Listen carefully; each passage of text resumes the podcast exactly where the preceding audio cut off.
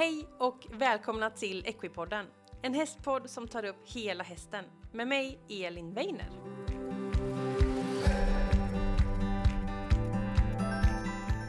Hej alla fantastiska Equipodden-vänner och välkomna till veckans avsnitt av podden. Jag hoppas du har haft en fantastisk vecka och att du njuter i vårsolen och all grönska som nu är här. Helt fantastiskt. Jag har sagt det innan, jag älskar våren. Idag tänkte jag börja med att säga att om du tycker om podden så skulle jag bli otroligt glad om du kan tänka dig att göra ett litet omdöme där du lyssnar. Om du till exempel lyssnar på Spotify kan man sätta fem stjärnor och om du lyssnar på iTunes eller då via podcastappen i din telefon om du har en eh, Apple-telefon. Då kan du där lämna också fem stjärnor och du kan också skriva ett trevligt omdöme. Så jag skulle bli väldigt tacksam om du kan tänka dig att göra det för då kan fler hjälpa till att hitta till podden så att mer kunskap kan spridas. Jag vill också tipsa om att gå in på sociala medier, det är Equipodden på Instagram och Facebook, för där dyker det nämligen upp mer material än vad som kommer med i podden. Idag till exempel, med dagens gäst, har jag gjort en hel del filmmaterial som kommer dyka upp på Instagram och Facebook. Så se till att liksom, hänga med på sociala medier för att inte missa någonting. Men nu då, till veckans gäst och det är ingen mindre än Ylva Rubin. Och hon är ju veterinär i botten och just inriktad på hästens tänder och hon är alltså hästodontolog. Helt fantastisk. Och hon har varit med på den innan. Hon var med i avsnitt 70. Det släpptes den 26 maj 2021, så ganska precis ett år sedan. Och ja, det är ett superpopulärt avsnitt. Jag älskade det avsnittet så att det här är, ah, det är så bra. Det är så bra! Det är kul att ha det här framför sig nu. I förra avsnittet, alltså avsnitt 70, då pratade vi om hästens eh, munnen, vi pratade om uppbyggnad, tandens utveckling och hur man sköter tänderna. Och i det här avsnittet så går vi in på det vi inte hann förra året, nämligen hur utrustning påverkar munnen.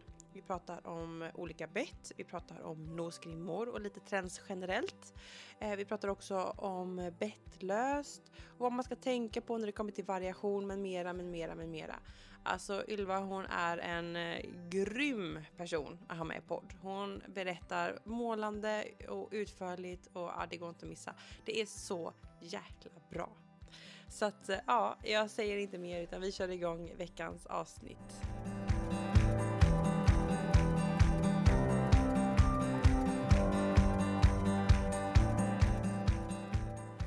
Så, då sitter jag med Ylva Rubin. Hej! Hej! Hur mår du? Jag mår alldeles utmärkt. Ja, vad härligt. Ja. Och jag har fått komma hem till dig. Vi är söder om eh, Varberg. Ja, precis. Sö södra delen av Varberg. Ja. Vi, vi, bor i Varberg även om det är lite i utkanten. Just det.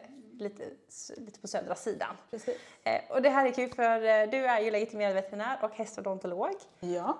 Och du har varit med i Equipodden innan. Mm. vi sa det ett helt år sedan, eh, för det var avsnitt nummer 70 och det släpptes den 26 maj 2021. Ja. Och eh, det är faktiskt ett av mina favoritavsnitt för jag tyckte det var så intressant. Så vi tänkte vi måste ja. göra ett avsnitt till. Eh, så temat idag är fortsatt hästens tänder, eller mun mm. Framförallt. Och vi ska prata om ja, lite utrustningens påverkan ska vi fokusera på. Mm. Men jag tänkte att du kan få börja och berätta om vem du är och hur du hamnade här. Ja, eh, jag är ju legitimerad veterinär då i grunden. Innan dess så eh, hade jag utbildat mig till stallchef nere på Flyinge eh, och har lite så här, tränarutbildning och lite så också. Men eh, jag ville ju bli veterinär hela tiden. Så gick jag veterinärhögskolan i Uppsala och det var ju superkul. När man har längtat efter det så var det ju liksom, ja.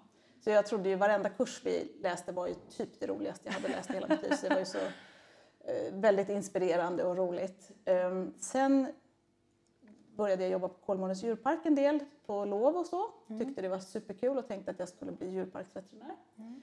Där träffade jag en man som heter Torbjörn Lundström som hjälper till och lagar tänder på eh, djurparkens djur. Ah. Men eh, han är också väldigt duktig på hästtänder. Mm. Så vi pratade mycket hästtänder eftersom jag var hästintresserad. Och så blev det så att jag fick bekymmer med en av mina egna hästar. Eh, och kunde inte ta hjälp av, eller jag hade ju frågat veterinärer och de visste inte vad de skulle göra. Mm. Så ringde jag till Torbjörn och åkte till honom väldigt hastigt. Mm. Så tittade han in i min hästs mun i säkert två minuter och så sa han det är ju inte så konstigt att hon har problem. Nej. Och så började han förklara en massa saker för mig som jag tänkte att jag tyckte ändå att jag var ganska välutbildad på hästar med då både, eh, både lite Erikonol och lite Flyinge, fem år på veterinär, eller fem och ett halvt år på veterinärhögskolan. Och, Ja. eh, hade inte fattat någonting. Och kände bara så här, det här måste jag lära mig. Ja. Så då övertygade jag Torbjörn om att jag skulle få bli lärling. Så då gick jag hos honom i ett år och lärde mig jättemycket om hästtänder. Eh, även om jag fortfarande kände att jag kunde marginellt. Han var ju väldigt mycket duktigare än vad jag är. Han är ju humantandläkare i botten. Det. Och sen har han liksom vidareutbildat sig eh, både uppe på, på SLU då, eh, och själv. Eh, Så jag kände ju att jag kunde ju inte alls så mycket som han kunde. Men jag hade ju fortfarande lärt mig ganska mycket på ett år. Så i april 2020, nej för 2000 blir det ju, så, ehm, så startade jag kliniken här. Och sen har det ju varit hästtänder. Och det är ju superspännande. Man lär, det, liksom, det finns ju inte en häst som är den andra lik. Och det, varje häst är ju en individ och sen är ju också varje ryttare eller kusk en individ. Just så det. Mm. kombinationen är ju ytterligare unik.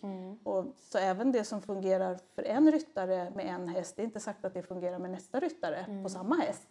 Så att jag har ju hela tiden känt att det här med, med utrustningen och kommunikationen med hästen ligger mig extra varmt om hjärtat. Så jag har ju fokuserat väldigt, väldigt mycket på just det här vad man kan göra för att förebygga skador själv och hur man kan utveckla olika typer utav liksom, ja men hur man kan använda utrustningen för att få en bättre kommunikation. Eh, utan, nu pratar vi ju inte hjälptyglar eller sånt, utan för att få saker att fungera så väl som möjligt. För allting som vi lägger på hästen är ju på ett eller annat sätt artificiellt. Det, är ju ingenting som, det finns ju inte med i evolutionen att hästen ska ha ett bett i munnen eller att vi har något som trycker på nosryggen eller vad vi nu använder. Ehm, utan där måste man ju hela tiden ha en förståelse för att hästen måste få en chans att lära sig och vänja sig och vi måste se till att de skador som uppstår blir så få som möjligt, så små som möjligt och framförallt att de hinner läka av. Just det. För den forskning som finns idag visar ju att alla hästar som vi använder med huvudlag på får bett eller betselrelaterade skador eller problem någon gång i livet. Och vi kan ju styra väldigt mycket över hur mycket det här blir och hur komplicerat det blir för, för hästen. Eh, skadar sig, det gör vi ju alla, även, även eh, de flesta människor jag känner har någon gång bitit sig i kinden. Så Ja. att det är ju inte så att man aldrig någonsin gör illa sig. Men vi måste ändå vara medvetna om att vi ökar den här skaderisken genom det vi utsätter hästarna för. Just det. Och att vi behöver tänka på hur vi använder då. eh, Ja, eh, och det, där, det, det har liksom varit ett så väldigt varmt ämne för mig. Väldigt viktigt och värdefullt. Kul att vi ska gå in på det idag då. Ja, precis. Och jag tycker det var intressant det du sa att eh, samma utrustning eller samma grej kan funka med en häst och en ryttare men inte alls med en annan ryttare. Man kan ändå tycka att, eller man hör många säga så här, ah, men det här bettet tycker den här hästen om eller det här funkar på den hästen. Men då kanske det inte alltid är så om man till exempel har medryttare. Och, behöver inte alls vara så eftersom varje ryttare är ju naturligtvis unik i sin hjälpgivning och i sitt sätt att, att rida och kommunicera med hästen. Eller köra för all del. Eh, så beroende på hur man använder sin häst. Eh, så därför så, men man är, man är ju också olika byggd. Vilket gör att man redan där hamnar i olika läge. De, de allra flesta ryttare när de ska göra en halvhalt kommer att förflytta överlivet en liten aning bakåt. Och beroende på hur lång du är från höften till axeln så kommer ju vinkeln, eller så att säga kraften, kommer bli väldigt olika. just det. Beroende på om du då är du kort så blir det ju mindre kraftutveckling och är du lång så blir det mer.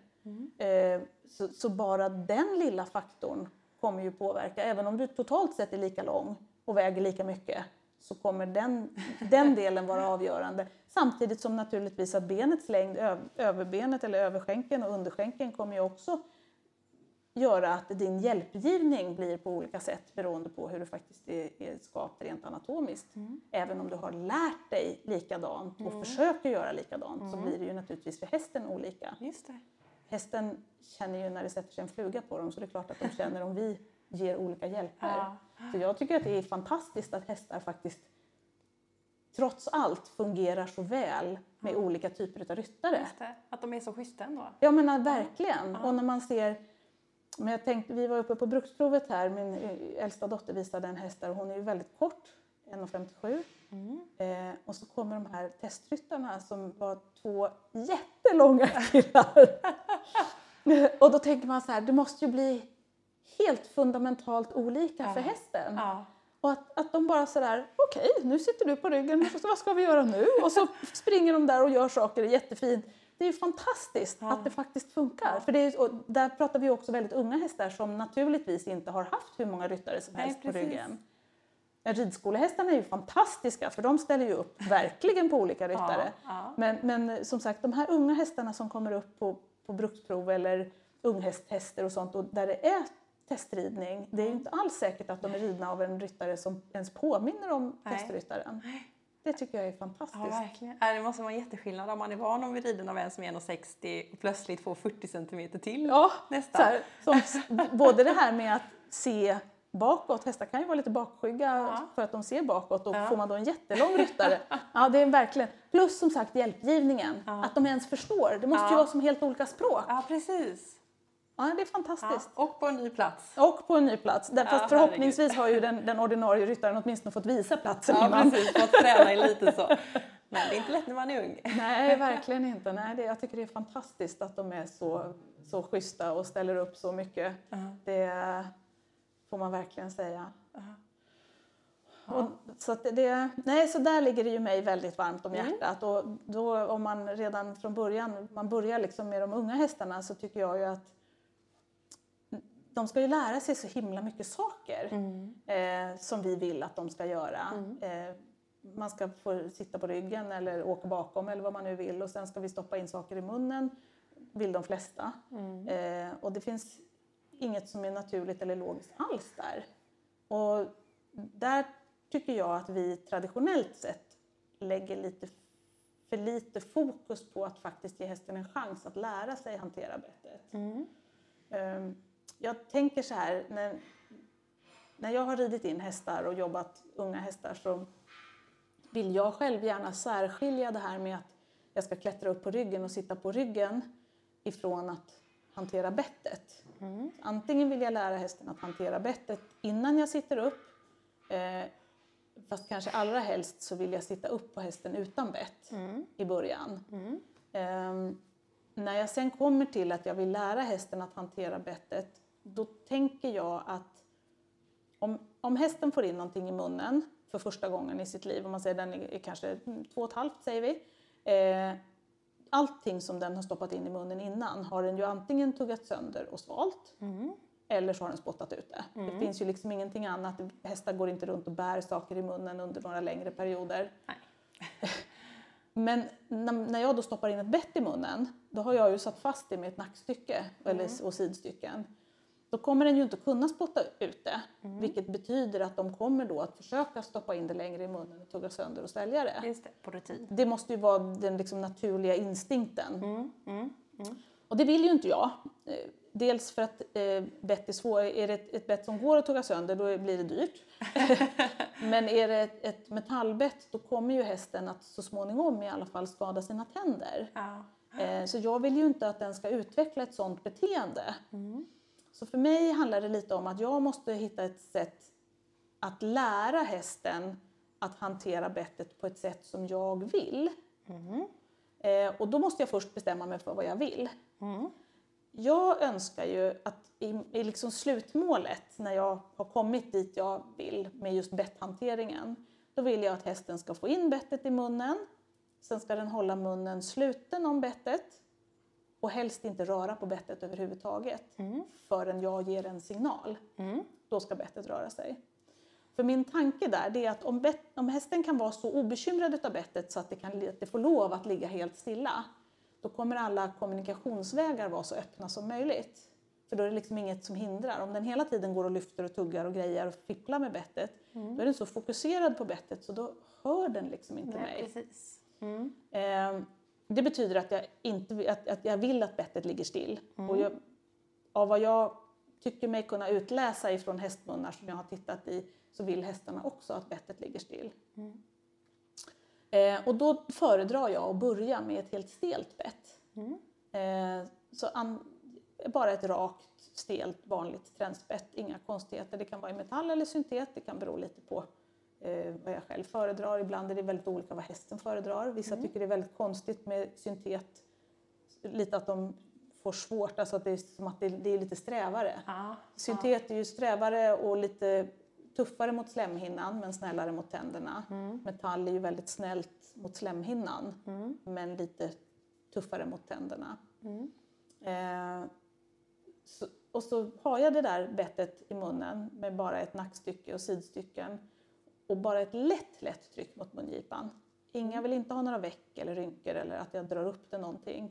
För det trycket som jag lägger i sidstycket, om vi hittar på att jag lägger två enheter, då måste jag när jag tar ett tygeltag sen, då måste jag dra mer än två enheter för att hästen ska kunna känna det. Ja. Om vi tittar nu rent fysiologiskt, för Ja. att den har redan två enheters tryck i mungipan.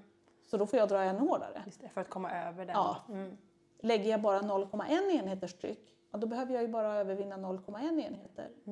Ett litet, litet tryck upplever jag att de vill ha för att det stabiliserar. Just det, så det inte blir sladdrigt. Jag lägger det liksom inte ännu längre ner. Det är också så att långt fram i munnen, precis som man säger bakom framtänderna, så finns det en stor det finns ett hål i skelettet och där kommer det ut jättemycket nerver. Eh, och så att får de tryck ända där framme, då blir de väldigt oroliga. Det blir lite nervpåverkan och det tycker de ju inte om. Mm. Sen ser ju jag alltid till att innan jag börjar lära hästen att ha bett i munnen ser jag ju till att bajtänderna är borttagna. Eftersom de vet vi att de är mycket mindre än de andra tänderna. Eh, och då kommer de tåla mycket mindre belastning. Så förr eller senare så får hästen bekymmer med att ha både vargtänder och bett i munnen. Det är ju inget sjukligt med att ha vargtänder. Så ska man, har man en häst som man aldrig någonsin ska ha bett i munnen, då behöver man inte ta bort dem. Men de flesta vill ju det. Så att det, då tycker jag att då tar man bort dem innan de skapar bekymmer. För att annars är det så lätt att det blir beteende, eller oönskade beteenden som vi tycker är tråkiga. Just det. De slänger ut tungan eller går och gapar eller ja, håller på och fipplar. Lägger tungan på fel sida eller någonting som, som inte är vårat önsk, inte våran önskan. Eh, och när hästen har lärt sig alltihopa det här, då om den är två och ett halvt när jag börjar, då gäller det att vi också håller koll på när den tänker växla sina första kindtänder.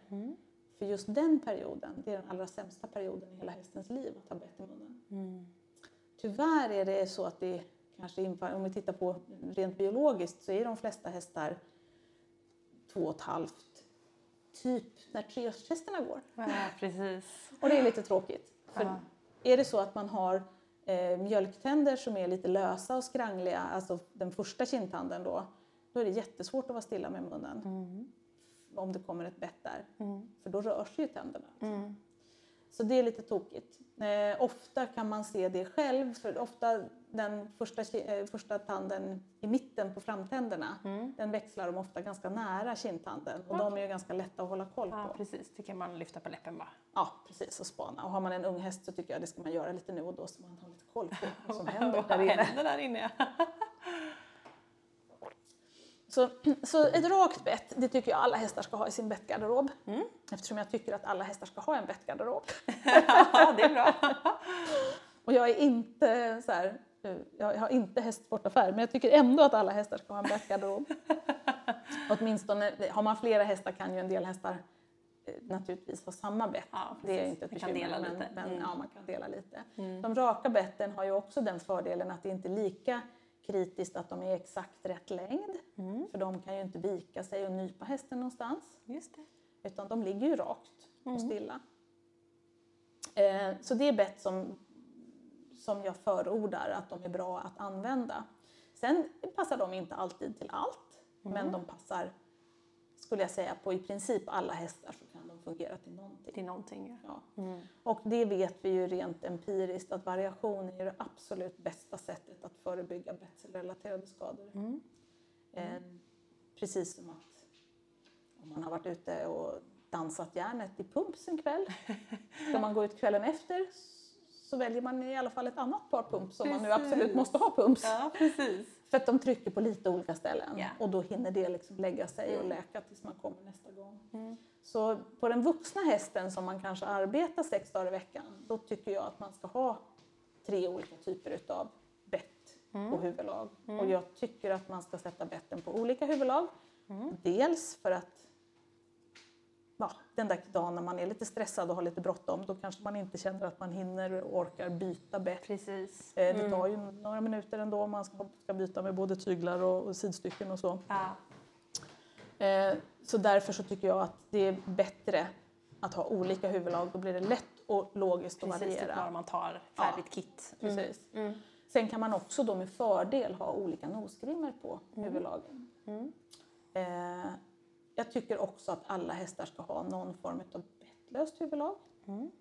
Och där kan man ju välja lite själv naturligtvis. Man ska vara medveten om att även det bettlösa huvudlaget kan påverka hästen inne i munnen och det kanske man inte tänker på Mm. Nej. spontant. Eh, nu finns det ju väldigt många varianter så Mm. jag kan inte gå igenom alla men man kan ju prata lite om dem så principiellt hur de fungerar. Mm. Det bettlösa huvudlaget som jag kom i kontakt med allra först det var ju ett hackamore. Just det. Det, Det är vanliga Ja. på ridskolor och sådär. Precis. Ja. Vi hade någon häst på ridskolan som fick sår i mungiporna så då gick den med hackamore. Ja. Så det hade man ju liksom testat på lite. Ehm, det, hackamåret fungerar ju så att när man tar i tyglarna så kommer ju skänken att vrida sig lite grann och så sitter det ju en kedja eller någonting på undersidan och så kan det sitta någonting på ovansidan av bröstryggen som antingen kan vara väldigt milt, så här lite typ fårskinnsbeklätt och, och luddigt och mjukt eh, till att det kan vara något som är riktigt hårt och kanske någon kedja och jättelånga hävstänger och så. Men principen är att man tar i tygen och då kommer den här hävstången göra att man får lite tryck i nacken, man får tryck uppe på nosryggen och under hakan. Mm. Det här är ett huvudlag som stänger munnen väldigt effektivt. Så har man en häst som av en eller annan orsak har lätt för att bita sig i munnen, om den till exempel har ett överbett som är ganska vanligt, eh, då får den ju en liten hake på sista kindtanden och en hake på, i underkäken och en hake på första kindtanden i överkäken. Och just allra längst in där den här lilla haken kan sitta då, där är det väldigt trångt. Så att om man då stänger munnen så kan det vara väldigt lätt att de biter sig där bak. Ja, precis. Sen kommer också hackamåret att trycka in kinden mot Ja, tandraden. precis. Det mjuka på sidan. Ja. Mm. Mm. Och där är ju överkäkstandraden är mycket bredare än underkäkstandraden. Så att där blir det lite en vass kant på utsidan av överkäkstandraden. Och där är det också lätt att man får små, små, små tryckskador. Eh, det betyder inte att man inte kan använda ett hackamore men man ska vara medveten om att det kan hända att Just de får lite skador inne i munnen också. Naturligtvis om man skrittar ut på lång tygel så spelar ju inte det här någon roll. Ja. Utan det är ju när man, jag tänker kanske främst på de här som använder hackamåret när man, det är inte helt ovanligt i hoppning till exempel. Precis. Och det är precis. klart att då kanske man gör lite större inverkan med sina tyglar. Man kanske har en Ja. häst som är superhet och vill verkligen hoppa och man ska reglera, man vill ha ett visst antal språng emellan hindren och sådär. Och då kan det ju vara att man tar lite mer och att hästen då får lite, lite skador på insidan. Ofta är det här bara små, små blåmärken eller små punktvisa prickar, små blödningar i kindslemhinnan som läker av jättefort. Så det behöver inte bli något stort utav det här. Men det betyder också att även om man rider bettlöst så är det bra att, att Just variera. det. Just det. Att inte bara, om man väljer ett bettlöst så Ja. kan hackamore ändå påverka insidan. Precis. Mm. Mm. Eh, Hackamo tycker jag själv också, rent ridmässigt tycker jag att det är lite svårt. Mm. För jag tycker att det är lite svårt att böja och ställa och Ja, få igenom, liksom, man får en annan känsla. Eh, men å andra sidan kan det vara kanske på vissa hästar enklare att, att komma till lite samling. Så Mm. det, och en del hästar är ju väldigt smidiga för att de är lätta att få stopp på hackamåret. Just det. Och stopp vill man ju få. Ja. I alla fall jag, jag är inte någon kamikazepilot så jag, jag vill få stopp. ja, visst. Sen eh, började jag ju jobba med hästtänder och så. Då förordade jag ju att man skulle ha ett bettlöst alternativ, att det var bra att arbeta sin häst bettlöst ibland. Och då kom jag i kontakt med någonting som heter sidepull. Som ju egentligen är ett western-inspirerat, eller det kommer ju från westernridningen. Så ursprungligen är det ju tänkt att man ska använda sån här neck reining så att man, hästen flyttar sig för tygens tyngd. Just det. Eh, Det är jag jättedålig på eftersom jag inte är är utbildad på det. Eh, Men Tärnsjö har gjort en sidepull där de har lagt en liten extra rem under hakan så sidepullen blir lite mer stabil i sidled. Eh, Så ett sånt skaffade jag och började rida på och, och eh, var i början ganska... Jag, jag tänkte som väldigt många att jag har ju inget bett i munnen så det blir säkert jättesvårt att stanna. Ja. Eh, då, på den tiden hade jag en hannoveranare som var importerad från Tyskland. En pigg och alert vaken eh, dam som jag skulle prova att rida bettlöst med på den här fina sidepullen som jag hade köpt. Eh, och så tänkte jag det att det är säkert inte jätteroligt att rida på banan för det kommer inte funka som mitt vanliga träns. Så jag tänkte jag rider ner, vi har en rundbana där man kan rida och då tänkte jag det blir ju jättebra för om jag inte får stopp så kan hon väl springa sig trött då. ja, precis. Någon gång kommer Det- hon att ja. stanna. Så tänkte jag. Eh, så jag red ner där och tyckte, kände mig supermodig och mallig. Eh, så ska jag precis sätta igång och börja trava när jag kommer fram. Då hoppade fram två nyligen avvanda fjolårsälgkalvar. Ja, såklart. Ja. Och min primalhjärna gick in för jag tänkte ju då naturligtvis att jag har inget bett i munnen. och så drog jag tag i den här stackars hästen som inte blev mest rädd för älgarna. Även om hon var väldigt rädd för älgar. Hon, I Tyskland har de så ont om älgar så hon var inte så van vid det. Eh, men då fick slidestop en ny innebörd. Okej. Jag kan säga att hade jag inte varit tillräckligt snabb med att ge efter så hade hon nog vält över bakåt tror jag. För hon blev så, det var verkligen bakbenen in under och tvärnit. Oj, oj, oj. Så då insåg jag att ja men stopp det får jag. Mm. Eh, Det var ju ändå skönt att Det var veta det. skönt, så då visste jag det. Sen med tiden så red jag henne ganska mycket på det här och tyckte att det var väldigt positivt just i stoppläget. Det liksom, hon var lätt att få stopp på. Det man måste tänka på med alla bettlösa är att man kan inte ha stöd på bettet. För Nej. du har inget bett i munnen. Precis. Så man, kan inte, man får ju inte exakt samma känsla. Eh, men det som var väldigt, väldigt bra på henne det var att hon var... Det var lätt och bra att arbeta henne med samlande rörelser utan att få för mycket spänning. Så att den här rundbanan och, och hon och jag och bettlöst blev eh, väldigt mycket jobb när vi kom fram till och skulle lära henne piruettgalopp. Hon hade inte världens bästa galopp så hon hade lite svårt för det här. Men då i det, där var hon avspänd. Och då kunde hon också lära sig saker. Gick jag in på banan och hade kandaret och hon var, det här är ju rätt så många år sedan så, så då, eller då red man ju på kandar när man kom upp i klasserna. Och då kunde hon liksom med kandaret och lite spänning, då fick hon inte till det alls liksom. Så fick vi gå ner på rundbanan och jobba och här, där kunde vi liksom ha mycket positiv hjälp utav det bettlösa. Dels för att jag var tvungen att lära mig att ha en bra kontroll på min kropp. Vilket ju naturligtvis underlättade för henne. Men också att det inte blev någon anspänning med att, att hon blev bekymrad i munnen eller att jag var för fast eller höll för dåligt. Jag, jag är inte världsmästare på att rida. Jag är som säkert de flesta som, som har en hobbyhäst och vill bli bättre. Ja. Man tränar och tränar och tränar och försöker och ibland går det lite bra och ibland går det lite sämre. Men då får man ibland hitta lite alternativa vägar. Det som var bra det var att när vi liksom hade hittat tekniken där nere, både hon och jag, då var det mycket lättare att ta med sig det in på ridbanan och med kandaret. Och då blev plötsligt piruettgaloppen mycket lättare. Ah, en bra Eh, väg. Ja, däremot var det ju inte så lätt att vända, alltså, det var ju svårare när man skulle jobba böjande och ställande och så för det är nog generellt lite svårare bettlöst. Man får ju en annan hjälpgivning. Eh, så det har jag lite svårare för. Det finns säkert de som är jätteduktiga på det.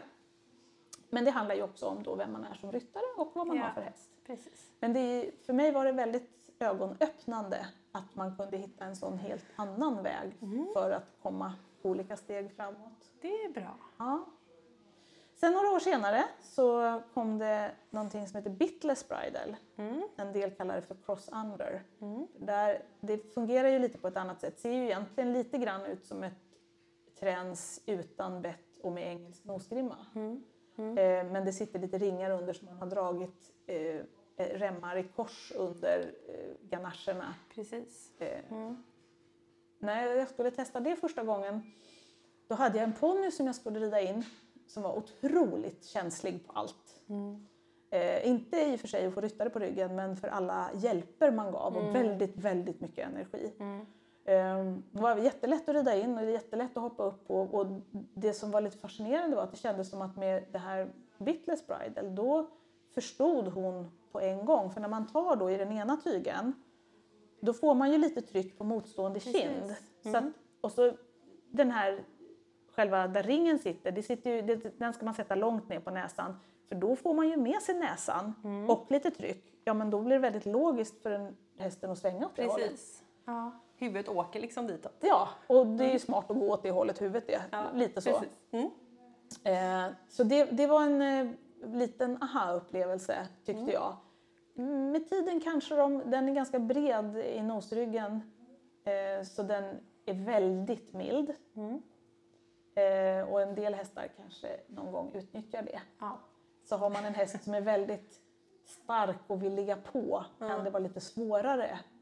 Eh, I alla fall att ha som enda bettlösa alternativ. För har man en häst som man av olika anledningar vill eller behöver rida mycket bettlöst då kan det ibland vara bra att man har flera olika varianter för att man får lite olika inverkan.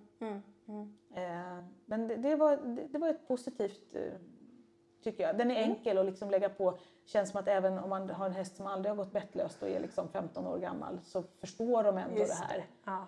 Eh, möjligen då med det undantaget att de kan bli lite starka framåt.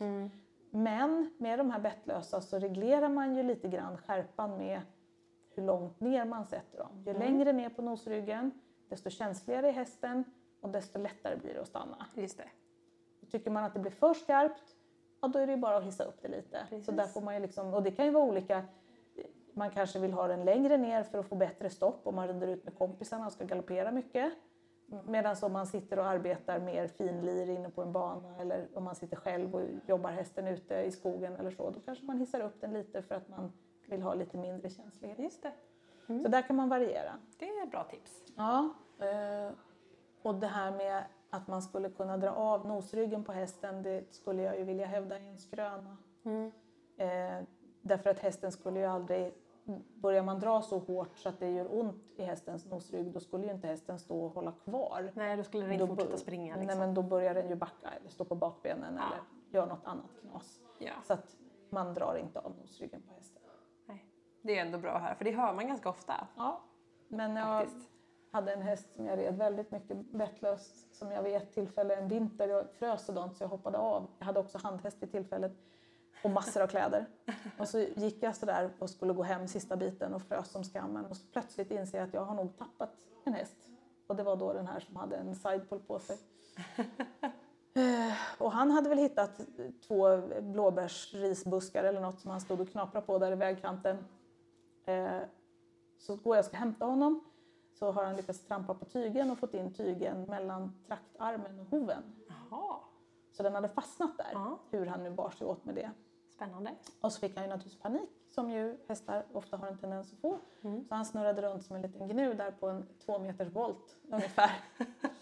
eh, och då tänkte jag bara, nej, nu, nu händer det. Nu, nu går nosryggen av. Ja. Eh, Men jag lyckades så småningom få fatt i honom och få loss tygen. Eh, Det, för den, just då gick ju inte tygen av. Den, hade, liksom, man tänker den borde ha gått av för länge sedan. Det var ju vanlig lädertygel så hur det här nu gick till det förstår jag inte ens. Eh, Men eh, nej, jag lyfte lite på sidepullen och kände på näsan. Och ja, det var ju lite, hårstråna var lite tillknöcklade. Ja. Och kanske, kanske att han var lite, lite öm på nosryggen dagen efter. Ja. Så då fick han gå utan nosgrimma dagen efter. Ja. Men och klarar inte 600 kilo häst av att dra av nosryggen, då lär ju inte jag göra det. Nej, det Det- lär du inte göra. Så stark är jag inte. Även om jag tycker jag är ganska stark. Ja, men inte riktigt. inte riktigt så stark. Ja, Okej, så lite bettlösa alternativ och tänka på att man påverkar på olika sätt och testa sig fram då. Det kan ju vara jättebra att veta till exempel höja upp och ner och se lite vad får jag för effekt om jag höjer här och sänker lite så. Precis. Eh, jätteintressant. Och om man vill, ska ha något i munnen då? Vad har vi då? Jo, men då tänker jag ju då, man har ju det här stela bettet som Just man det, varierar med. först. mm. och ett bettlöst alternativ. Sen kanske man vill ha någonting som passar mer grenspecifikt mm. eller om man har särskilda önskemål. Mm. Eh, I dressyren så nu för tiden får man ju rida dressyr på stela bett så det är det. ganska många som gör. Ja, men det var inte så länge sedan. Inte så länge sedan faktiskt. När man inte fick göra det. Och då fanns det, då fanns det ju två bett som hade en led eller två leder. Det var ju det man hade att välja på. Typ. typ. Eh, nu kan man välja lite mer. Man får använda sig då både utav stela bett men man får också använda sig av ledade bett. Mm. Eh, och där tycker jag själv att de, de som har två leder eller tredelade bett mm. eh, är att föredra i de flesta fall. Mm. Eh, de är lite svårare för hästen att fixera, alltså lyfta mm. upp och hålla fast. Har man ett bett med bara en led det är så lätt för hästen att bara vika bak den så mm. håller den fast bettet. Mm. Mm. Har man två leder då är det liksom lite svårare att hålla kvar bettet där. Eh, jag tycker också att det ligger lite mjukare i munnen. Det blir ju lite mindre vikeffekt när man har två leder än om man har en led. Mm. Så generellt så tycker jag att det är att föredra men man ska ju då tänka på att den här mittdelen är mjuk och lite avrundad. Att det inte blir några eh, stora konstiga ringar någonstans eller knölar eller det finns ju plattor och alla möjliga konstiga saker man har, kan ha på mittdelen men då är det mycket större skaderisker. Mm. Mm. Så i första hand tycker jag man ska välja en sån här mjuk avrundad, ja, äggformad eller vad vi ska kalla det, ja, droppformad mellandel. Mm. Eh, fasta eller lösa bättringar är ofta en smaksak. Men om man har en häst som är lite orolig kan det vara många som tycker att de fasta bättringarna ligger lite, ja, lite, stabil. lite, stabilare. Mm. Mm. Eh, och är man orolig för att sin häst ska nypa sig i mungiporna så kan man ju ta ett par fasta bättringar. Mm. Jag förordar ju att bettet ska vara kort. Det ska bara precis få plats i munnen och sen ska bättringen komma. Eh, och det är ju just för att bettet ska ligga still i munnen. Mm. Och är det långt då är det mycket större risk att det skramlar runt och åker lite hit mm. och dit och det är lättare att man får nypskador utav ett för långt bett. Mm. mm. Eh, tänker man att man så småningom ska ha ett kandar på hästen då är det också bra att ha, ha vant den vid att ha ett ledat bett i munnen. För när man har kandaret så får man inte ha ett stelt bridongbett eller underlagsbett utan då måste man ju ha ett ledat bett. Mm. Mm. Eh, och då har man ridit hästen på ett stelt bett då är den ju också van att ha ett stelt bett i munnen eftersom stången är ju stel. Mm. Eh, och ska man ha kandar i munnen, kandartillpassning är lite en, en helt egen vetenskap i sig. För om jag då säger att hästen inte har någon plats i munnen för att ha ett bett mm. så har den naturligtvis inte mer plats i munnen för att ha två bett. Nej. Bara för att man kommer upp i klassen? Nej, det är inte så att det skapas, skapas mera plats för att hästen har lärt sig lite byte från skolor. Ja.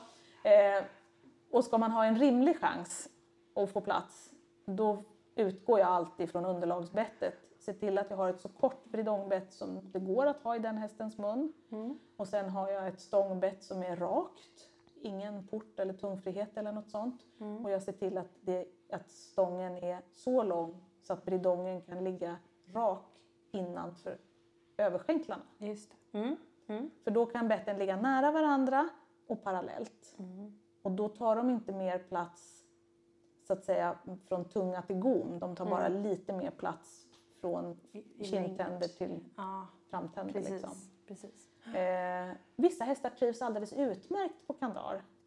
Kandaret ligger ju väldigt stadigt och stabilt i munnen. Mm. Mm. Och kandaret har ju egentligen en det är ju verkligen ett så traditionellt bett som man tog fram när man använde hästar i krig. Mm. För då letade man efter ett bett som var optimalt för att samla hästen jättemycket för man skulle göra en sån här capriol eller corbett ja. eller du vet så här, och ja. slå ihjäl någon. Helst skulle väl hästen sparka ihjäl någon på vägen också eller sparka ja. undan i alla fall. Man skulle liksom komma ut ur situationen men sen skulle man i nästa sekund kunna samla hästen och svänga runt den så fort som möjligt. Um, och då insåg man att det finns inte ett bett som är optimalt både för böjning och ställning och samling. Mm. Utan då ska man ju kunna använda bridongen till att forma hästen och stången till att samla den. Mm. Sen kräver ju det en viss ridskicklighet naturligtvis. ja. Bara att hålla reda på fyra tyglar eller två tyglar i varje hand är ja. ett projekt kan man tycka. Men, ja. men som sagt, det ligger väldigt stadigt och stabilt i munnen så vissa hästar trivs väldigt bra med det när man har fått ordning på själva bettillpassningen. Mm. Mm. Håller man inte på med dressyr då kanske man inte är så intresserad av den delen.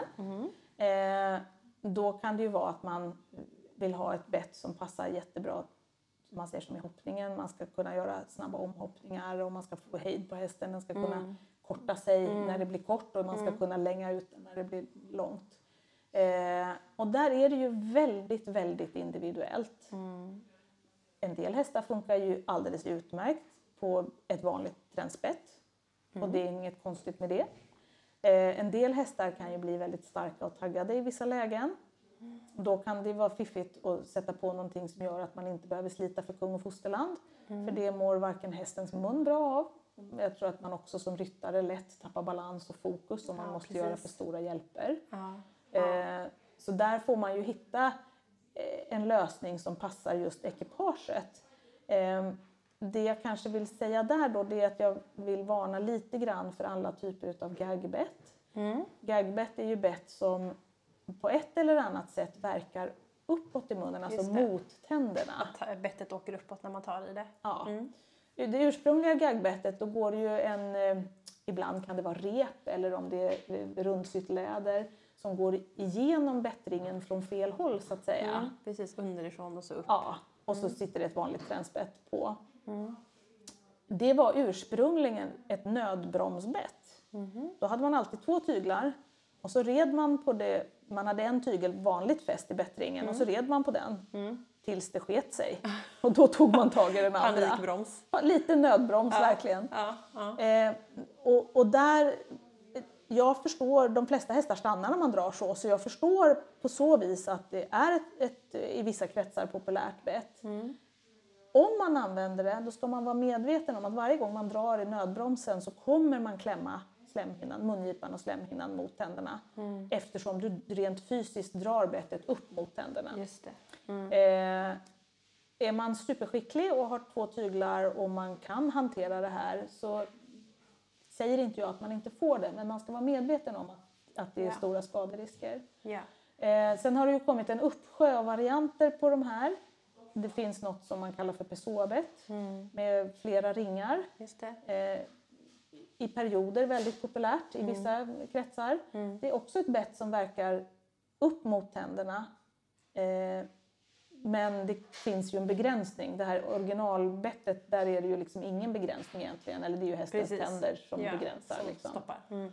Ehm, Det finns olika varianter av hissbett och det finns olika, eh, en del kombinationsbett har ganska mycket hiss också. Mm. Men en del kombinationsbett kan man låsa bettet och då kan ett kombinationsbett vara ypperligt. Mm. Om man har ett helt, jag, skulle, jag skulle ju i det läget förorda ett, ett rakt oledat bett för att minimera risken för att klämma hästen.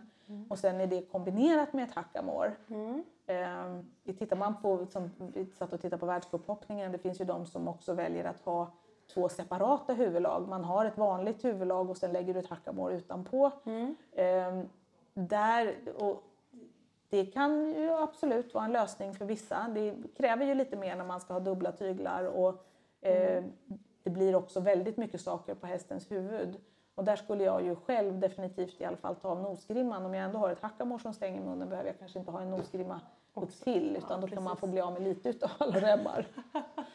Ehm, det jag kanske i första läget, om man tycker att man har en häst som man har svårt att få hejd på, eh, så tycker jag kanske bättre om till exempel en jaktstång eller en pelamstång eller den typen utav bett, alltså ett stångbett med kedja. Därför att där begränsar ju kedjan lite bettets rörelse. Ja. Eh, det som är viktigt med de betten det är att man ser till att dels måste de vara tillräckligt breda, för överskänken måste få plats. Just det. Hästen har ju ett lite triangulärt format huvud. Så har du för trångt bett och du har en överskänkel på det, då är risken att överskänkeln trycker in kinden mot första Just det, kindtanden. precis där tänderna börjar ja. Ja.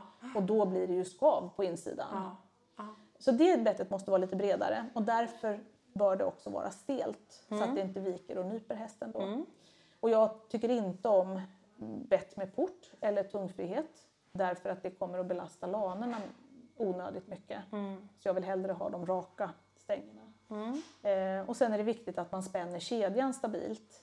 Man brukar säga att underskänken, när man tar i tygen så ska underskänken inte vinkla mer från mungipan än någonstans 35 40, ja, max 45 grader. Just. Och då har man en ganska stabilt spänd kedja. Mm. Och då kommer bettet att inverka så att du får ett litet tryck upp i nacken, får ett litet tryck utav kedjan under hakan Mm. och så kommer själva bettdelen inne i munnen, den kommer att verka lite framåt neråt i munnen, alltså mot framtänderna. Mm. Det betyder att det är en form av bett som man kan också använda om, man, om hästen har lite bekymmer med sina första kindtänder. Det. Om den sedan tidigare har skadat tänderna utav bett till exempel. Mm. Så det, för oss är det ibland så att vi förordar det som en sjukbetsling. Ja, just det. Så, så tycker många att ah, men det här är ju ett jätteskarpt bett.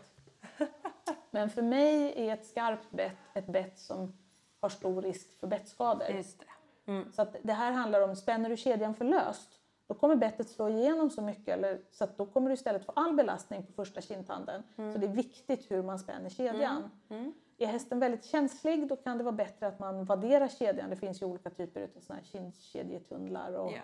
I både med gel eller med, i läder eller i gummi eller i, ja det finns ju massor. ja, precis. Så det är lite en smaksak. Eller man får ju prova sig fram till vad som passar en själv. Mm.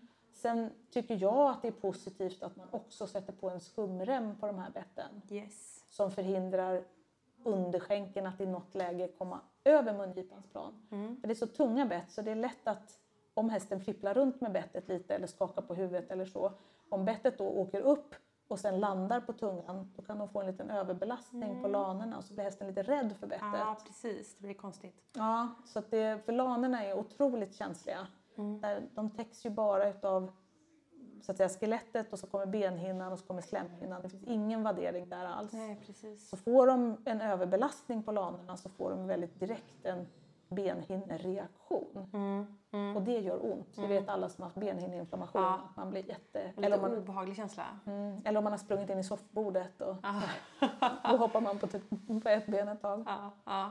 Så, så man, ska vara, man ska vara försiktig med det där. Hästarna är otroligt väl innerverade i munnen. Mm. Eh, vilket gör att det är lätt att man råkar ut för saker som gör att hästen blir otrygg med sitt bett. Mm. Och det är ju där vi vill ju, de flesta av oss vill ju ha en jämn och fin, stabil kontakt.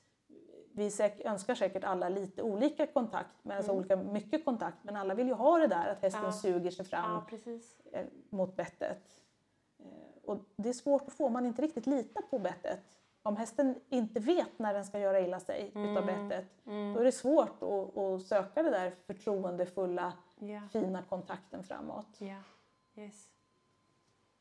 Så nu har jag pratat så mycket så nu har jag kommit om. Ja, men precis. Ja, men Nosgrimmer skulle vi prata Ja. om också. Nu har vi pratat om ett rakt bett är bra att ha, Mm. ett eh, bettlöst alternativ och så har vi pratat om ett ledat alternativ och att det finns lite olika Ja, eller många olika Ja, varianter. Ja, det finns så mycket bett nu. Det man ska komma ihåg, för det är många som, som ibland kommer och så säger de så här när man förklarar hur deras bett fungerar och så visar det sig att det var något... För det kommer ju, jag ser ju jättemånga olika bett som jag Ja, knappt förstår förstår vad, hur man har tänkt när man gjorde dem. Och så när man förklarar lite, när man så här, ja men ditt bett ser ju ut så här och då kommer det inverka så här och så här och så här. Och så tittar den som har bettet så här, men hur kan man göra ett sånt bett? Det är ju inget bra. Nej, men den som gjorde bettet, de är ju normalt sett inne på att de vill ju sälja bett. Ja. De vill ju sälja utrustning. Ja. Det, det, det, är ju, det har ju egentligen i grunden inte att göra med vad som är bra för hästen. Mm. Även om det är klart att de säger ju att det ska vara bra, Mm. men de, har ju inte, de förstår ju inte hur en hästmun fungerar. Nej, för det är inte så himla enkelt. Nej. Och just det här att man måste komma på någonting nytt. Det är lite Precis. ute och bara sälja. vanliga bett. Ja. För de var ju tråkiga. Och Ja. liksom de allra, allra, allra flesta hästar, om man har fått dem friska i munnen, för det är ju en grundförutsättning. Mm. Om man får dem friska i munnen så kan man på olika sätt med de här betten som vi har pratat om, alltså bettlöst, rakt, ledat och ett, ett stångbett. Man kan få de allra flesta att fungera på det. Mm. Ibland då med någon form av variant eller kombination. Eller, men, men de flesta behöver inte världens krångligaste bett utan de behöver bli friska i munnen eller friska i kroppen. För ibland kan det vara så att de inte fungerar på sitt bett för att de har ont någon Ja, annanstans. precis, det blir en kompensation. Ja, man kanske, de kanske då känner av att de måste kanske hänga lite mer i bettet för att de avlastar någon kroppsdel. Eller, Och där kan man se sådana här smygande hältor eller ryggproblem eller sånt.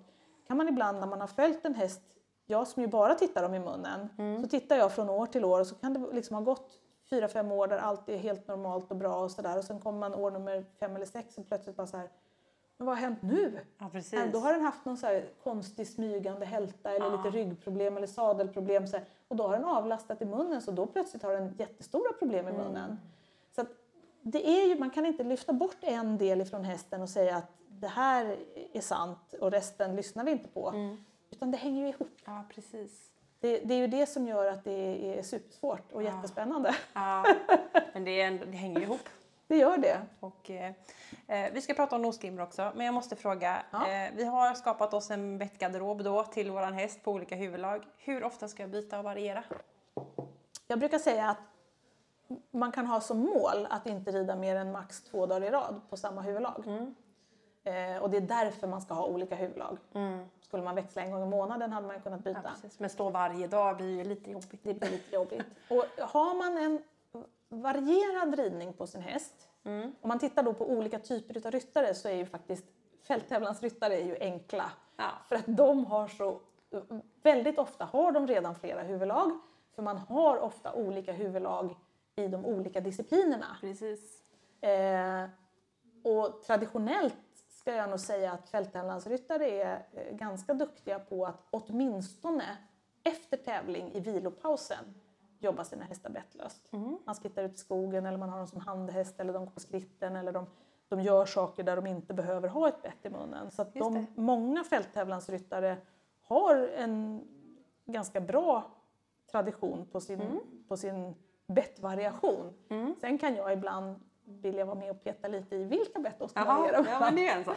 Men, men de är ganska öppna till att variera.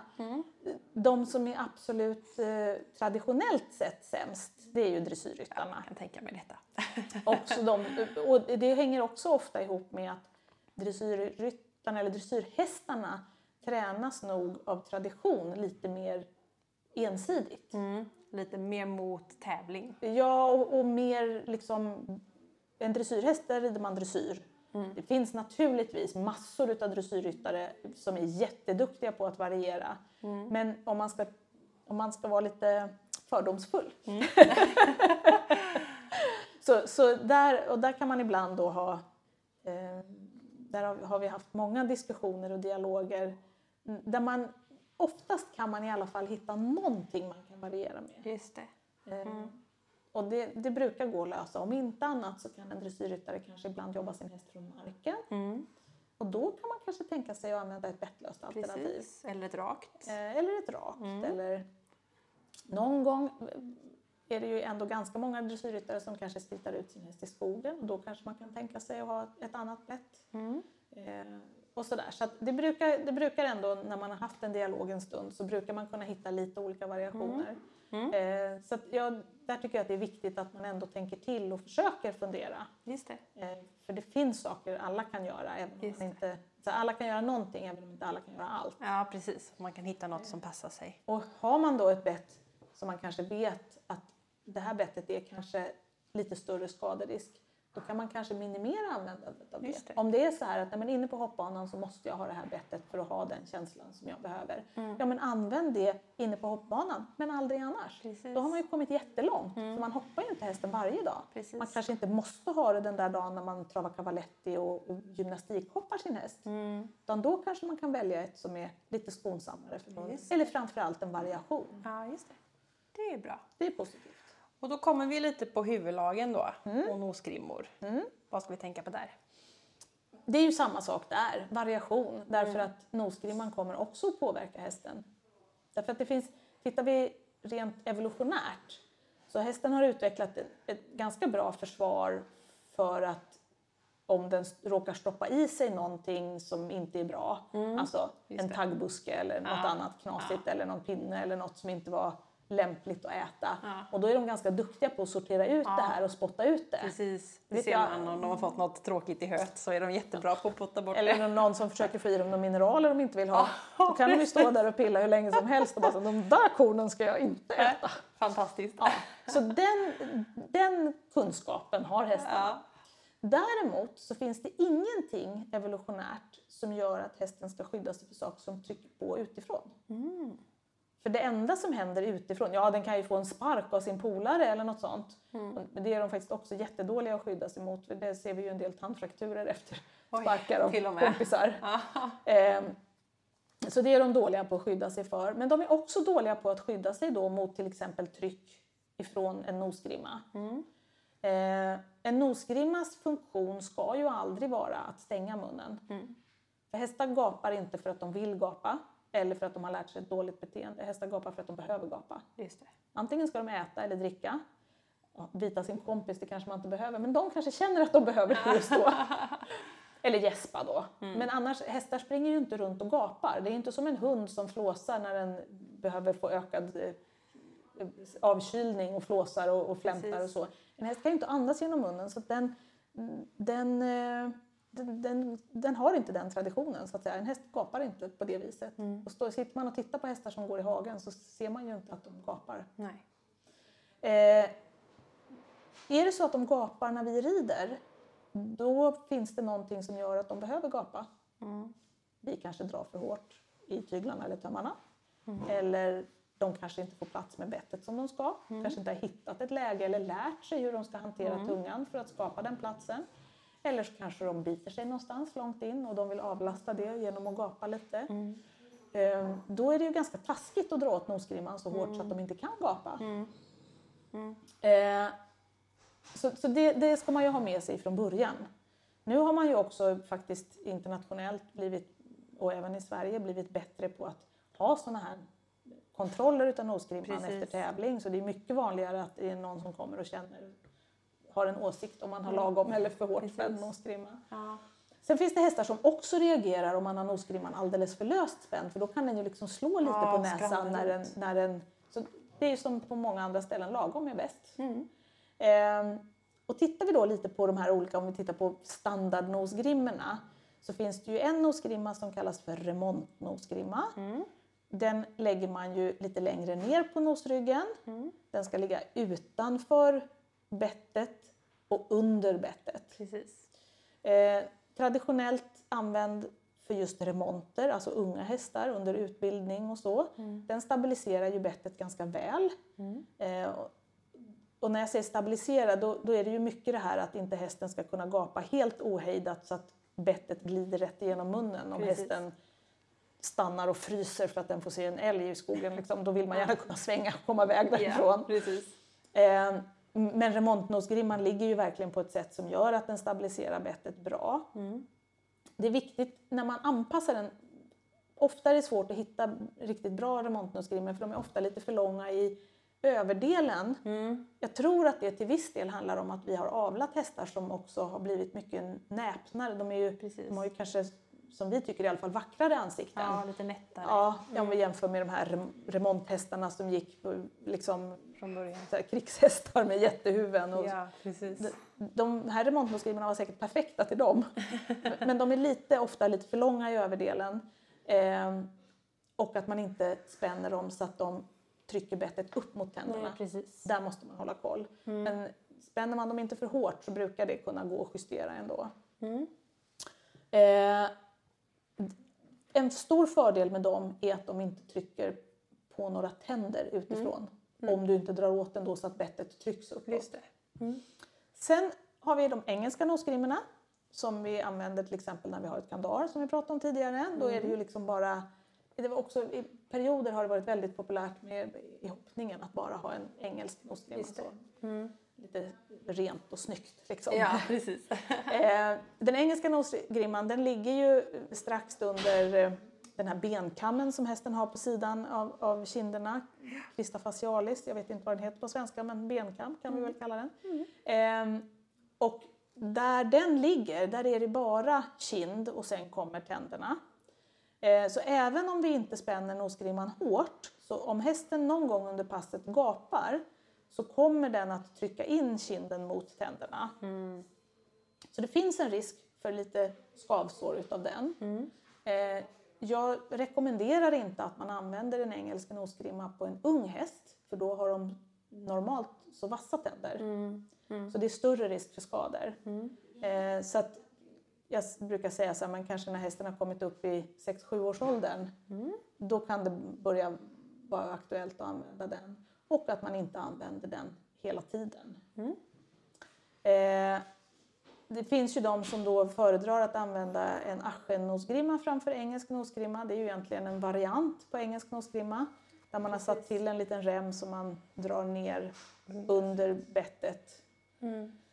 Aschennosgrimman tycker jag är svår. Den, det är lätt att man spänner den på ett sätt så att den skadar hästen. För det är lätt att man drar åt den för mycket, den här underremmen, så att den trycker upp bettet mot kindtänderna. Och då ser vi fula skador där. Eh, därför att du måste ju utgå ifrån att du spänner den övre delen först. Sen får man inte spänna den undre delen hårdare eh, än att det, den får liksom inte dra i den övre delen. Och då spänner man den så löst så att då har den väldigt marginell effekt. Eh, så de flesta kommer inte att spänna den så. Så generellt så rekommenderar jag inte aschennosgrimma. Men den är väldigt populär. Ja. Det är många som tycker den är snygg, vilket jag inte förstår. Men det är kanske för att jag ser andra saker. Precis. Så om man köper så kommer det ju oftast med. Ja, och det är svårt att hitta snygga engelska nosgrimmor. Jag som då inte heller föredrar pullback. Eh, så här, när, för det blir så hårt, det är så lätt att spänna för hårt med pullback. Och Så- pullback är... Det är liksom, åh, hur ska man förklara det? Det är som att det går fram och tillbaka under, hakan. Liksom. Man trär igen Ja. och så. Mm. Och då blir man ju så stark. Det är ju lite som en sån här, när man har en vinsch och talja. Det är Liksom. en häststång ja. Ja. Så då blir man så stark så då spänner man gärna nosgrimman alldeles för hårt. Mm. Så därför föredrar jag de här gamla hederliga där man bara spänner direkt Precis. som ett skärp. Liksom.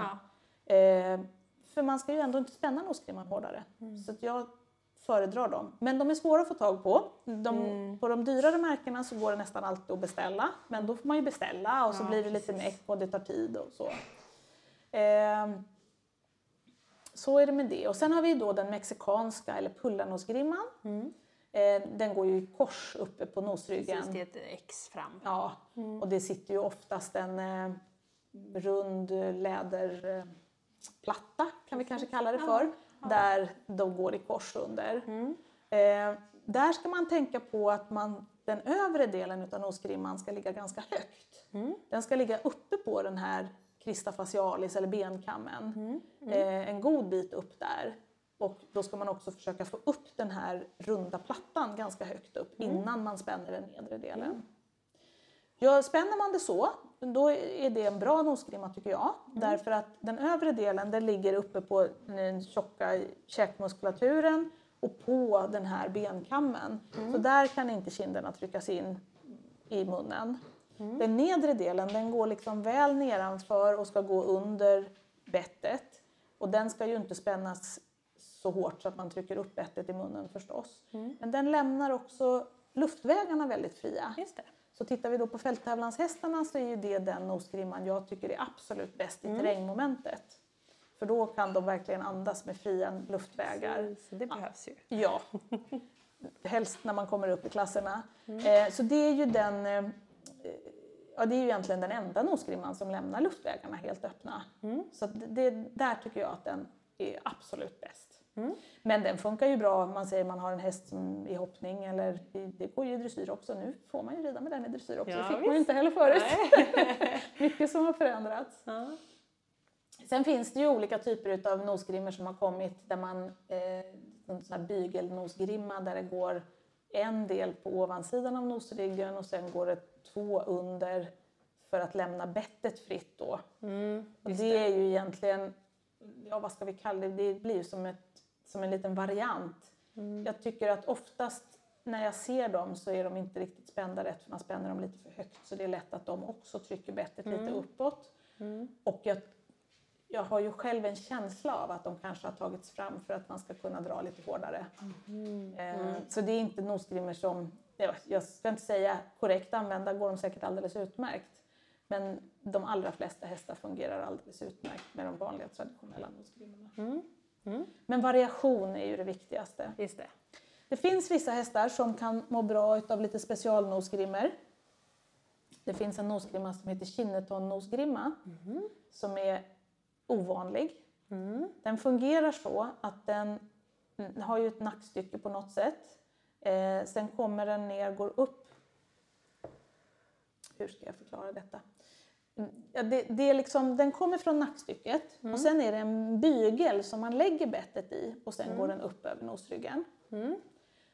Det betyder att bettet vilar i den. Det är egentligen en form av bettlyftare eller tungavlastare eller Ja. vad man vill kalla det för. Ja. Eh, Det stabiliserar ju bettet väldigt väl. Man kan också säga att det blir en väldigt enkel form av kombinationsbett. För att när man tar i tygen så kommer man ju få ett visst tryck i bettet men du kommer också få ett visst tryck på nosryggen. Just det. Och har man bekymmer med en häst som är överdrivet känslig i munnen, så där känslig så man känner att det går liksom inte ens att nudda tyglarna, då kan en sån ett nosgrimma vara till stor hjälp. Eller någon form av bettlyftare. Det finns olika varianter. Och man Ja. kan, det finns en annan variant på nosgrimma som heter Worcester-nosgrimma. Det är principiellt skulle vi kunna säga att det är en aschennosgrimma men istället för underremmen så finns det en rem från vardera håll som man bara fäster i bettet för att fästa fast det. Eh, fördelen med eh, Kinneton-nosgrimman det är att man avlastar underkäken helt i det att hästen kan gapa om den skulle behöva, om det finns risk för att den skadar sig. Mm. Eh, nu är vi inne på lite specialvarianter. Om de kan man också bygga själv. En världens enklaste bettlyftare kan du ta en underrem eh, från en aschennosgrimma och bara lägga från bättring till bättring Just eh, över nosen. över nosen. Mhm. Gärna lite ludd eller något för de är väldigt känsliga där. Mm. Ibland kan man behöva fästa något upp till pannbandet för att den glider ner för långt på näsan. Mm. Men generellt ska man tänka att har man en bettlyftare så ska den sitta mycket lösare än vad man tror att den ska sitta. För att annars så kommer det bli svårt att styra. Då får man liksom svänga hela huvudet innan hästen svänger. Just det, att det blir låst uppåt. Ja, Ah, och okej. Mm. det tycker ryttarna inte om. Hästen verkar inte så bekymrad. Men det, blir, det är som att tappa servostyrningen på bilen. Ja, det blir Så jobbigt. det, det är lite tråkigt. Ja. Men det är också ett väldigt, eh, eh, ett väldigt skonsamt häst, sätt att ha ett huvudlag på hästen. Eh, just för att du fördelar trycket på flera ställen. Eh, vi har själva en, en variant som, som eh, en av våra hästägare gjorde. Hon tog ett mick- micklemträns. Klippte bort den här underremmen under hakan och sen så fäste hon med buntband på vissa hästar eller med bara krokarna bettet. Då får man ju lite tryck uppe på nosryggen och bettet sitter fast liksom neråt. Eh, så det är faktiskt en betsling som vi använder en del eh, just på unghästar som variation. När de är lite svåra, du vet de, kan, de kanske inte är helt framme i sin utbildning. Man kanske ska ut och galoppera i skogen och man vet att jag kanske måste ta lite hårdare någon gång för att det, händer saker med unga Precis. hästar. Och man vill ändå galoppera dem i skogen men man vill inte göra illa dem. Mm. Mm. Och då kan det vara ett väldigt positivt sätt att variera. Men sen vill ju inte alla klippa sönder sina nya trends som man har köpt. Så att, men då, kan man, hitta- då kan man istället så, ta sin, sin eh, underrem och fästa över. Just det. Och det funkar bra. Ja. Då vill man inte att det ska synas den här eh, remmen som från själva bettlyftaren upp till pannbandet. Då kan man ju ta någon fiskelina eller något. Precis. De är, håll, tål, tål mycket De vikt. tål ja, och det, det utsätts ju inte för någon större belastning. Min första prototyp då hade jag ett blått balsnöre. Det var inte så poppis bland mina barn. var inte så snyggt kanske. inte snyggt alls på en svart ponny. Ja, ja, ja. Nej, annars kanske man kan göra någon kanske kan ha en blingkedja där med små Ja, stenar precis. eller något. Det är ju poppis. Det hade folk Ja. eh, tyckt om. Det är så man ska göra. Vi får utveckla det. Nästa grej. Ja. Ja, intressant. Och eh, nosgrimmarna ska vi också variera. Är det ungefär två dagar där också som ja, gäller? men det är ju ganska lämpligt att ha lite olika då på sina olika huvudlag tänker jag. Och då är det ju smart att ha något, så att säga, man kanske har ett tävlingshuvudlag där du har en typ av nosgrimma. Sen kanske du har då ett annat huvudlag till andra, eller så, som i fälttävlan där har du kanske ett dressyrhuvudlag och där har du en nosgrimma. Du kanske har ett hopphuvudlag där du har en annan nosgrimma. Så har du ett terräng huvudlag. Just det. Då får man en väldigt naturlig variation. Mm, just det. Så för den vardagliga ryttaren då kanske ett till banan, ett till ute och ett till till banan och kanske ett tränings... Ja. Att man får hitta. Så att man, så att man varierar lite. Ja. Men ungefär samma där. Helst inte mer än två dagar i sträck på Mm. samma. Då har man en bra variation. Och skulle man då rida på, ja, som om man rider dressyr och så rider man ett meeting, då kanske man rider på sitt kandar kanske fyra dagar i sträck. Mm.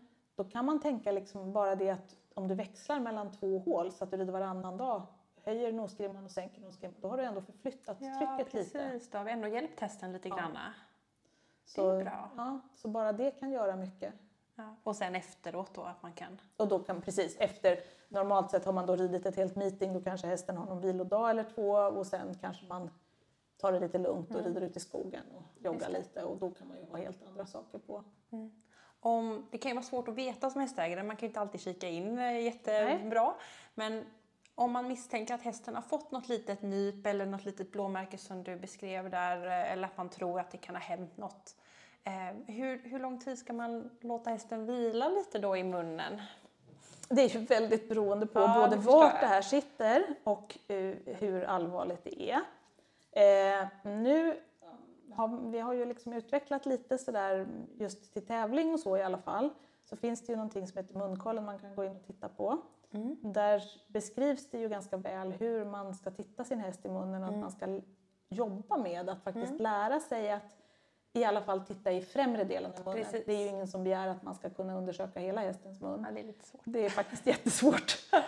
Eh, Men just att man ska lära sig att titta hästen i mungiporna och precis innanför mungiporna. Eh, därför att man ska helt enkelt kunna ha koll på det här. Och om man, man ska ju naturligtvis vara försiktig, man ska se till att man inte blir biten. Men hästen har ju en ganska lång bit som är utan tänder. Och om man vänjer hästen vid att man är och pillar i mungiporna lite grann. Man kan ju börja, många har ju smörjer ju mungiporna med lite vaselin Precis. eller Idomin eller någonting. Ja. Då har man ju kommit en bit på vägen. För sårskador kan ibland nästan vara lättare att känna med fingret Ah, än att se. just det. Munskad, sårskador ligger ofta lite på insidan utav, själva mungipan är ju ganska bred. Men då kan man liksom känna lite på insidan om slemhinnan ska ju vara len, det är som på oss, den ska Precis. vara len och glatt och, och bara slät. Ja. Känner man då att det finns någon liten knöl eller något som är skrovligt och strävt, då kan man misstänka att där är det nog ett sår. Och då kan det vara bra att dels att man lär sig naturligtvis hur sin egen häst känns i normalfallet, men också om man upptäcker att det är sår, att man dels då varierar ännu mer frekvent, men också att man masserar i mungiporna ordentligt, för då ökar man ju blodcirkulationen. Ja, det läker ju då. Och ökar man blodcirkulationen så läker det Ja, bättre. visst. Så vissa hästar, och framför allt om man rider mycket på syntetbett så kan ju då slemhinnorna bli lite ansträngda och lite bekymrade utav synteten. Så då kan det vara extra bra att man smörjer innan man rider och sen kanske har lite extra massage efter att man har ridit för då håller man igång blodcirkulationen. Ja, trevligt. Massagestund i munnen. Precis, en liten massagestund. Ja, vad härligt. Men eh, nu har vi pratat på i en riktigt bra stund här. Så att, bra. eh, jag tänkte att vi skulle avrunda. Men om du får sammanfatta liksom så här, vad, kort tre tips som vi har sagt här nu som alla liksom ska tänka på när det kommer till munnen. Ja. Alltså, det- som jag alltid säger det är ju att man ska bli bra och duktig på att variera. Variera betslingen frekvent. Eh, man ska naturligtvis också se till att man har en munhälsa som är god på sin häst. Eh, och hästar som arbetas rekommenderar vi ju att man gör en årlig kontroll. Eh, även, även om inte hästen har några stora problem eller bettfel eller så i grunden så är det så lätt att det händer någonting som man själv kanske inte upptäcker.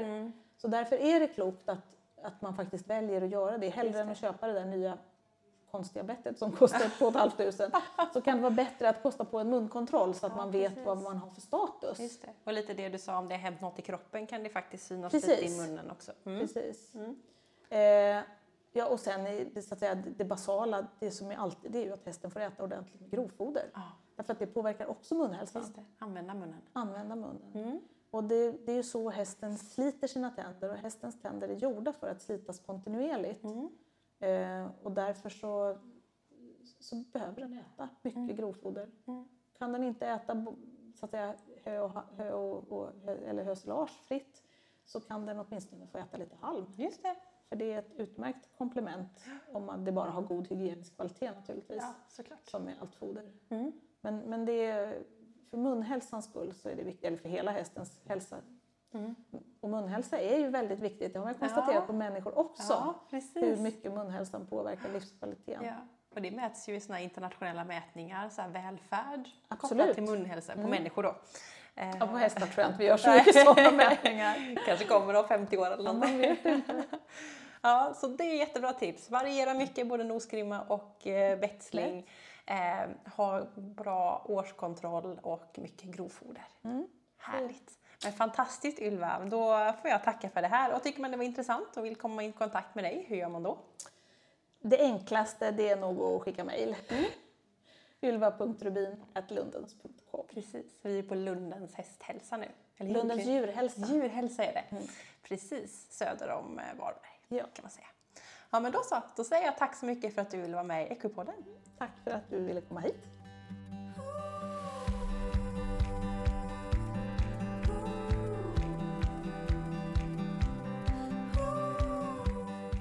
Ännu ett grymt avsnitt av Equipodden färdigt och lyssnat på. Bra jobbat! Jag hoppas du har lärt dig någonting. Ylva är ju helt fantastisk och jag själv tycker tänder är så otroligt intressant så att jag gillar de här avsnitten lite extra mycket. Om du tyckte om det här får du jättegärna, som jag sagt, ge ett litet omdöme, lite stjärnor där du har lyssnat. Och jag skulle också bli väldigt glad om du vill följa Equipodden på sociala medier. Facebook och Instagram, för där kommer det dyka upp lite filmmaterial som också gjordes när jag spelade in det här avsnittet när jag var och hälsade på hemma hos Ylva. Nästa vecka då blir det väldigt fartfyllt i Equipodden för då kommer Ponyexpressen och dundrande in och det blir ett härligt avsnitt fyllt med körning, bus och annat hittepå som de alltid gör. Så ja, jag önskar er en fantastisk vecka så hörs vi snart igen. Hej då!